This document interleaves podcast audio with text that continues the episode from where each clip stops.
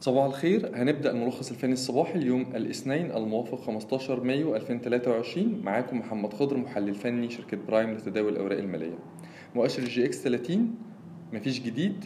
الاتجاه العرضي ما بين ال 17100 إلى 18100 لا يزال مستمر. الإيجابي خلال تعاملات جلسة الأمس إن هو قدر للمرة التانية على التوالي إن هو يحافظ على مستوى دعمه عند ال 17100 الإيجابية دي تتمثل في إيه؟ تتمثل في إمكانية استمرار الاتجاه العرضي الحالي على المدى القصير.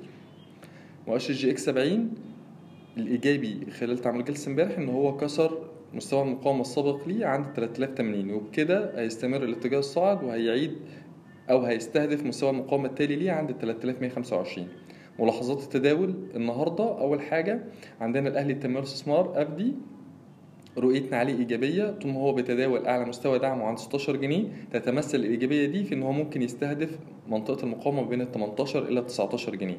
تاني حاجة بنك كريدي أجريكول رؤيتنا عليه إيجابية.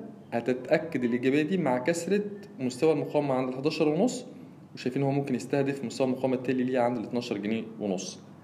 تالت حاجة الجيزة العامة للمقاولات اتجاهها عرضي على المدى القصير. كسرة 26 قرش في خلال تعامل جلسة امبارح ده إيجابي ممكن يستهدف منطقة المقاومة ما بين ال 28 إلى 30 قرش. وراسكم للفنادق أو ار اتش دي موجة الارتفاع الأخيرة ممكن تستمر لمستوى المقاومة التالي ليها عند ال 12 ونص رؤيتنا عليها إيجابية. أخيرا العامة لمنتجات الخزف والصيني بنرجح انتهاء موجة التصحيح اللي بدأت من مستوى الخمسة جنيه حوالين الأربعة جنيه أربعين. حطيناها في تقريرنا الفني اليومي تيك توك مع توصية بالشراء توصية مدى قصير. هنبتدي الشراء بداية من الأربعة أربعين أو أربعة أربعين أربعة خمسة وأربعين واستهدفنا زي ما قلنا الخمسة جنيه وقف الخسارة هيكون عند مستوى الأربعة جنيه.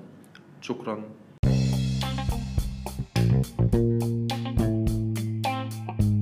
يرجى العلم أن هذا العرض هو لأغراض معرفية فقط، ولا يمكن اعتباره عرض أو توصية شراء أو بيع أو إدارة استثمارات أو خدمات استشارية. ينصح باستشارة مستشارك المالي قبل اتخاذ أي قرار استثماري، علماً بأن الأداء التاريخي ليس مؤشراً يعتمد عليه لتحديد الأداء في المستقبل.